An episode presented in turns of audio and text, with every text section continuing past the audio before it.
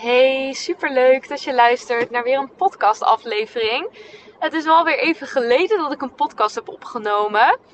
Meestal doe ik dat eigenlijk als ik in de auto zit en ergens naar onderweg ben. Dat vind ik zelf altijd heel erg fijn om te doen, want dat is toch tijd ja, waarin ik anders helemaal niks aan het doen ben, muziek aan het luisteren ben of andere podcast aan het luisteren ben. Maar ik heb even iets minder denk ik in de auto gezeten. Maar nu zit ik weer in de auto. Ik ben onderweg naar um, ja, een één op één offline afsluiting met een één op één klant. en, uh, en daarna ga ik uh, met een paar vriendinnen ga ik masterminden en lekker bijpraten. Dus superleuke dag voor de boeg.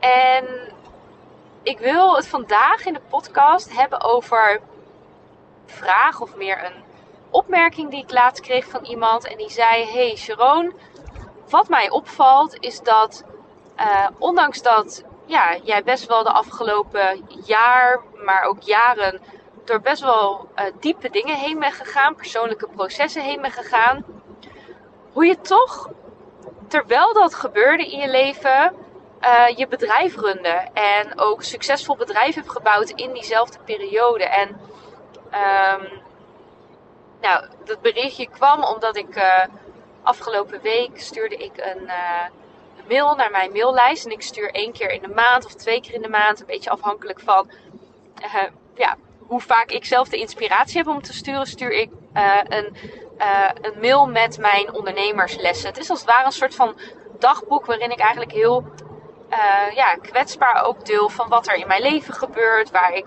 ja, waar ik zelf tegenaan loop, welke lessen ik leer. En uh, in deze mail deelde ik over de afgelopen periode dat dat voor mij wel echt een periode was van loslaten.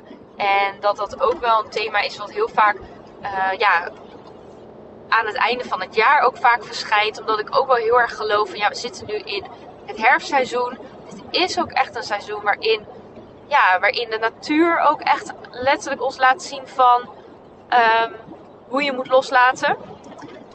En ik geloof ook erg in dat dat voor jezelf een hele mooie periode is nu om heel bewust stil te staan bij wat mag ik allemaal loslaten. Zodat als je ook aan je intenties en plannen gaat werken voor het nieuwe jaar, dat er ook echt ruimte is, omdat je ja, niet nog beladen bent met allerlei oude dingen. En nou, in deze mail schreef ik onder andere dat nou, de afgelopen weken dat ik in mijn business heel veel dingen heb losgelaten maar ook dat ik ja, emotioneel gezien best wel een moeilijke stap heb genomen. Omdat uh, ik mijn hond uh, Bertje heb losgelaten. Die is uh, definitief verhuisd naar mijn, naar mijn ex. Wij, wij deelden hem eigenlijk nou, inmiddels nu bijna al anderhalf jaar. Want zo lang zijn we uit elkaar. En ja, wij deelden de hond.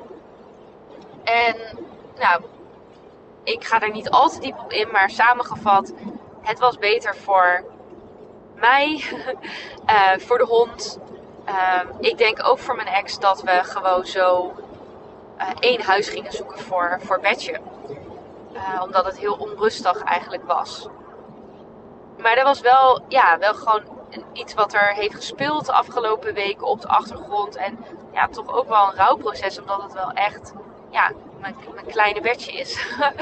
oh, ik wil nu niet weer gaan huilen, maar ja, daar, ik denk dat je wel kan voorstellen. Ik hou het ook even hierbij, anders word ik waarschijnlijk weer heel emotioneel. Maar ik denk dat je wel kan voorstellen dat dat ja, heel verdrietig is om, uh, om een soort van afscheid te nemen. En uh, ja, toen reageerde ook iemand van ja, ik volg je al dus een hele tijd. En nou, wat ik nu ook wel weer zo knap vind, is ik lees nu dat je er best wel emotionele dingen heen bent gegaan. En terwijl je ook een lancering aan het doen was, de Entrepreneur Journey, ik heb daar helemaal niks van gemerkt. En hoe doe je dat toch? Hoe doe je dat toch, ondanks dat er dingen spelen, dat je toch zo onderneemt? En toen dacht ik, ja, daar wil ik wel eens een podcast over opnemen. Ik heb hem niet echt voorbereid in de zin van dat ik nu hele concrete tips of zo voor je heb. Maar ik dacht, ik neem je gewoon eens mee in hoe ik dat ervaar en wat ik, uh, ja, wat ik doe. Want Mm. Kijk, een van de dingen is natuurlijk, je ziet vaak natuurlijk alleen maar uh, de buitenkant. En misschien de buitenkant laat uh, blijken van oké, uh, wow, zij komt gewoon opdagen, ze is er gewoon, terwijl er best wel wat dingen in haar leven spelen, zeg maar. Nou, dat heeft de afgelopen jaren is dat best wel vaak geweest. Dat ik denk ik, um, ja, dat je misschien niet altijd aan de buitenkant altijd kon zien van wat er aan de achterkant uh, of in mij altijd uh, speelt. En welke keuzes ik daarin maak. En ik denk dat dat wel goed is om ook mee te geven van wees je daar ook wel bewust van. Dat op het moment dat het bij mij niet zo heel erg goed gaat in mijn leven. En vorig jaar ben ik echt door een zwaar jaar gegaan. Waarin ik ook heel bewust een paar maanden vrij heb genomen. Heel veel minder ben gaan werken toen. En misschien is dat aan de buitenkant niet eens heel veel mensen opgevallen. Want die zagen misschien zo hier en daar een post voorbij komen. Die volgden misschien wel een online training van mij die ik al eerder had opgenomen. Uh, en die je kocht via een advertentie. Uh, nou, noem het maar op. Je, soms zie je het aan de buitenkant niet. Maar wat ik je wel wil meegeven is dat bij mij altijd op het moment dat het niet zo heel erg goed met mij gaat en er spelen dingen in mijn leven, is dat voor mij enerzijds geen reden om mijn hele business in één keer stil te leggen. um, maar het is wel een moment waarin ik heel bewust keuzes ga maken. Wat doe ik nu wel en wat doe ik nu niet? En soms betekent dat dat ik dus ook heel bewust kies voor: hé, hey, ik ga nu niet inzetten op keiharde groei. Maar ik zet veel meer in op behoud. Bijvoorbeeld vorig jaar, uh, toen ben ik wel gegroeid ten opzichte van het jaar daarvoor. Maar ik had een hele andere doelstelling liggen in dat jaar. Ik had een doelstelling liggen om uh, te verdubbelen in omzet. En ik wilde een half miljoen omzet draaien vorig jaar.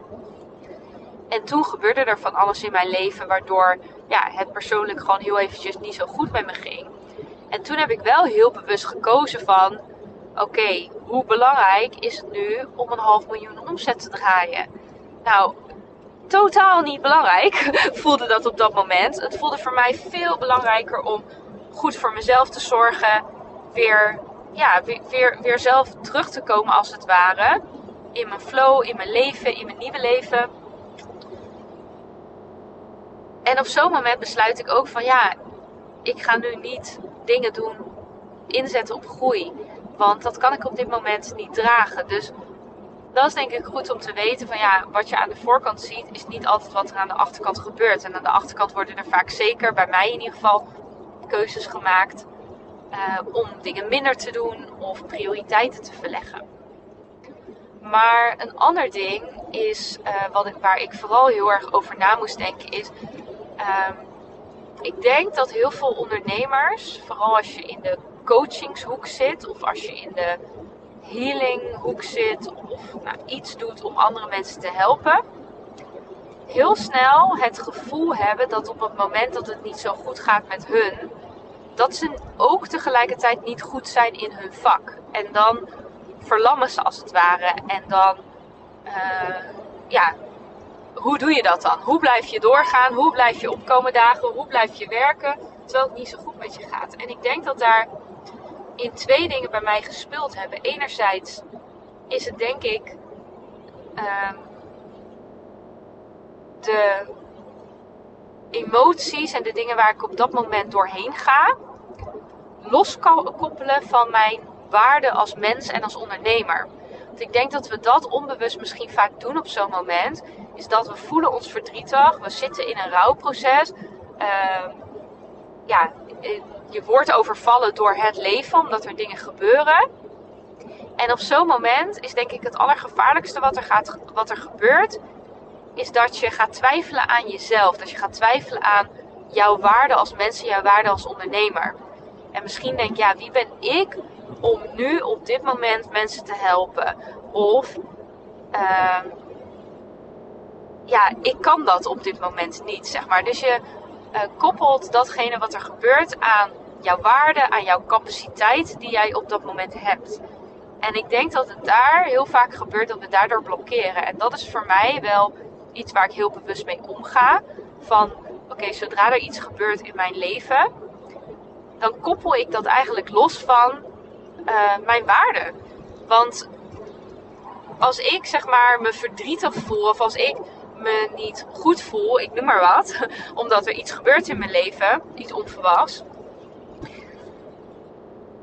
dan kan ik alsnog een supergoede coach zijn. En zelfs, een van de dingen die ik ook zelf eigenlijk altijd uh, meedraag met mezelf als overtuiging is,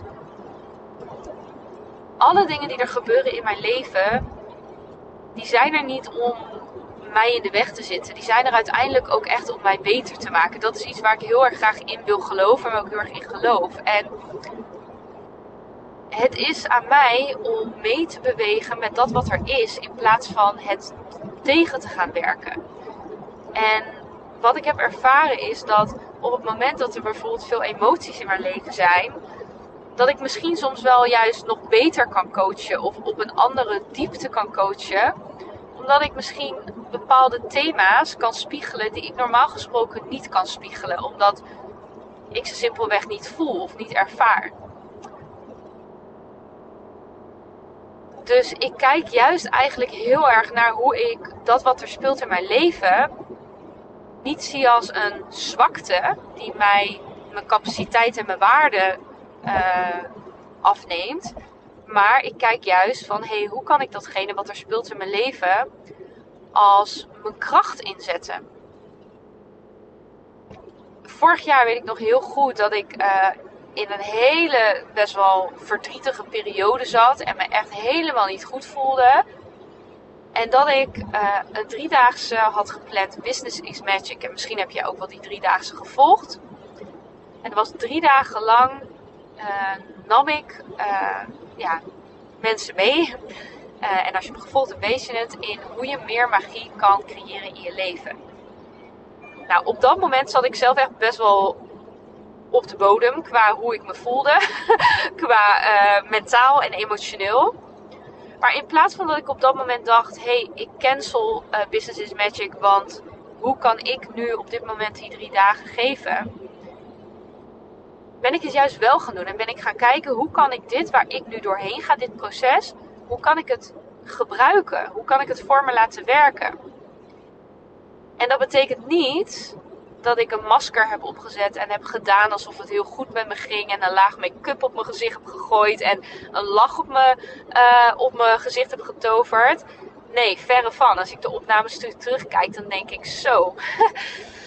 um, ik heb er wel eens beter uitgezien, om maar zo te zeggen. Maar wat ik wel heb gedaan, is dus kijken: hé, hey, dat waar ik nu doorheen ga. Dat, ik ben vast niet de enige die door dit soort gevoelens heen gaat hoe kan ik, zelfs met deze gevoelens, hoe kan ik alsnog magie verwelkomen in mijn leven en in mijn business? Hoe kan ik daarin blijven geloven? En die insteek en, die, en dat gevoel wat ik had, heb ik meegenomen in die drie dagen, in de invulling van het programma. En het was uiteindelijk, denk ik, nou denk ik, ik vond het een van mijn allerbeste driedaagse programma's ooit. En het heeft een hele grote shift ook gemaakt in mijn business. En heel, en heel veel nieuwe klanten opgeleverd die uh, juist heel erg aangingen op ook het stukje kwetsbaarheid en hoe ik, ja, hoe ik die driedaagse invulde. Dus uiteindelijk heb ik het heel erg als mijn kracht ingezet en juist gezien als: oké, ik ben nu sensitiever, ik ben nu gevoeliger. Ik kan nu vanuit een hele andere dimensie, van een hele andere emotie, kan ik dingen delen. Dus dat ga ik ook doen. Dus dat is, um, ja, dat zijn in ieder geval twee dingen. Dat als ik kijk naar, hey, hoe, hoe blijf je ondernemen um, onder moeilijke omstandigheden, is één. Ik kijk altijd naar, oké, wat heeft nu echt geen prioriteit en wat is het allerbelangrijkste voor mij? Dit soort momenten zijn echt super transformerend. Echt oprecht. Want ze, zetten, ze maken ook weer even heel erg duidelijk. Wat is nou echt belangrijk voor, voor me? En ik weet namelijk ook nog, vorig jaar, toen ik dus heel bewust koos van ik ga dit niet meer doen, ik ga dat niet meer doen, ik ga drie maanden niet werken. In die maanden heb ik zoveel losgelaten, zoveel dingen waarvan ik dacht dat ze belangrijk waren, waarvan ik dacht dat ik ze moest doen omdat ze mijn klanten opleverden of omdat, nou noem het maar op, allemaal dingen die ik dacht die, dat ik moest doen. En toen ik ermee stopte, bleek eigenlijk, er verandert helemaal niet zoveel nu ik ermee stop. Dus het zijn vaak ook van die shift momenten waarop je echt ontdekt van oké, ik maak heel erg bewust een keuze. Wat is echt belangrijk? Uh, wat levert echt wat op? En ja, je elimineert daarmee ook wel heel erg de dingen die eigenlijk ook niet, niet de bedoeling zijn. Dus het is ook, zo'n periode kan ook enorm verhelderend zijn. Dus dat is, dat is het eerste wat ik eigenlijk altijd doe van loslaten wat niet echt dient, wat, wat er niet toe doet. Tweede is het dus niet zien als een zwakte, de emoties waar je doorheen gaat. Uh, ze niet in verband brengen met jouw eigen waarde. Dus, dus nou, omdat ik verdrietig ben, uh, kan ik niet coachen. Of wat voor een coach ben ik dan? Of noem het maar op. Maar juist te kijken naar, hey, hoe kan ik deze gevoelens, hoe kan ik deze emoties, hoe kan ik ditgene waar ik doorheen ga juist inzetten? Hoe kan het voor mij werken? Hoe kan het helpen? En wat daar, aan, wat daar ook in zat in, in deze, ja, in dit wat ik doe, is ook van zet geen masker op, weet je wel. Dat gaat, dat gaat sowieso niet werken. Ga geen masker opzetten en doen alsof het wel goed met je gaat. Want dat is niet authentiek en dat voelen mensen ook. En dat is zo uitputtend voor jezelf. Maar kijk juist van, hé, hey, hoe kan ik uit deze pijn of uit deze emotie, hoe kan ik daar de kracht ook uithalen en hoe kan ik dat dan inzetten?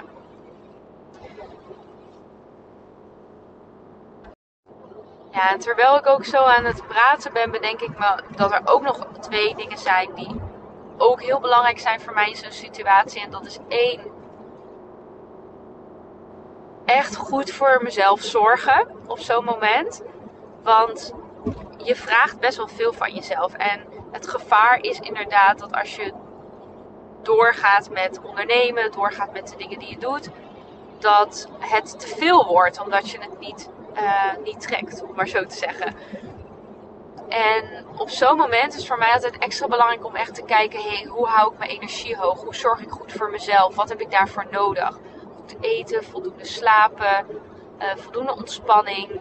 Uh, noem het maar op. Dus dat is eentje die ik zelf altijd heel erg meeneem. Van hey, alles eromheen.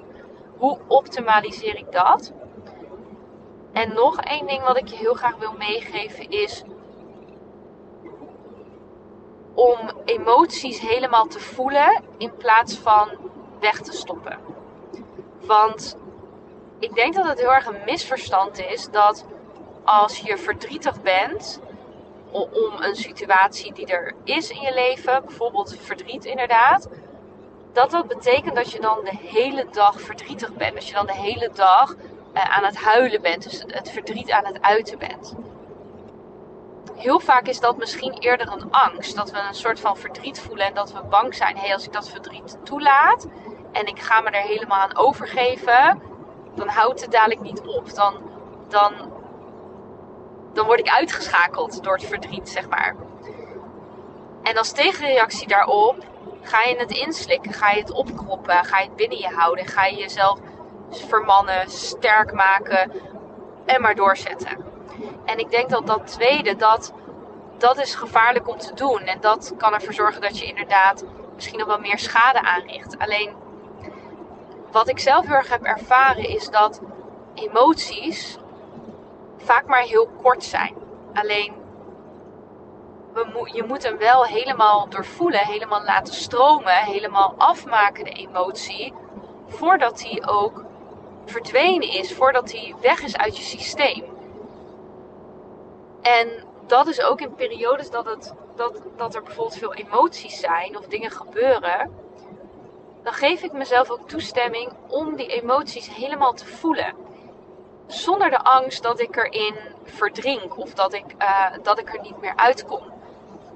Ik had laatst nog een sessie met een klant afgelopen week. En ik zat in de auto. En ik moest in één keer denken aan, uh, aan mijn hond Bertje dus. aan dat hij... Uh, ja, dat ik hem weg had gedaan. Ik moest in één keer denken, hoe gaat het met hem? En ik werd gewoon heel erg overvallen door emoties. En ik merkte in eerste instantie, mijn eerste reflex was... Oké, shit. Over een kwartier heb ik een sessie. ik kan nu even niet huilen. Ik kan nu even niet huilen. Ik moet het nu eventjes inslikken. Uh, dit komt even niet goed uit. Dat was mijn eerste gedachte en mijn eerste impuls. Maar toen dacht ik, nee. um, als ik dat doe, als ik het inslik, als ik het bij me hou, als ik het, uh, als ik het mezelf verman, dan zit het me waarschijnlijk de hele sessie in de weg. Want dan zit het. Het is niet dat die emotie niet meer in mijn systeem zit dan. Weet je, het zit alsnog in mijn lichaam, het zit alsnog in mijn systeem.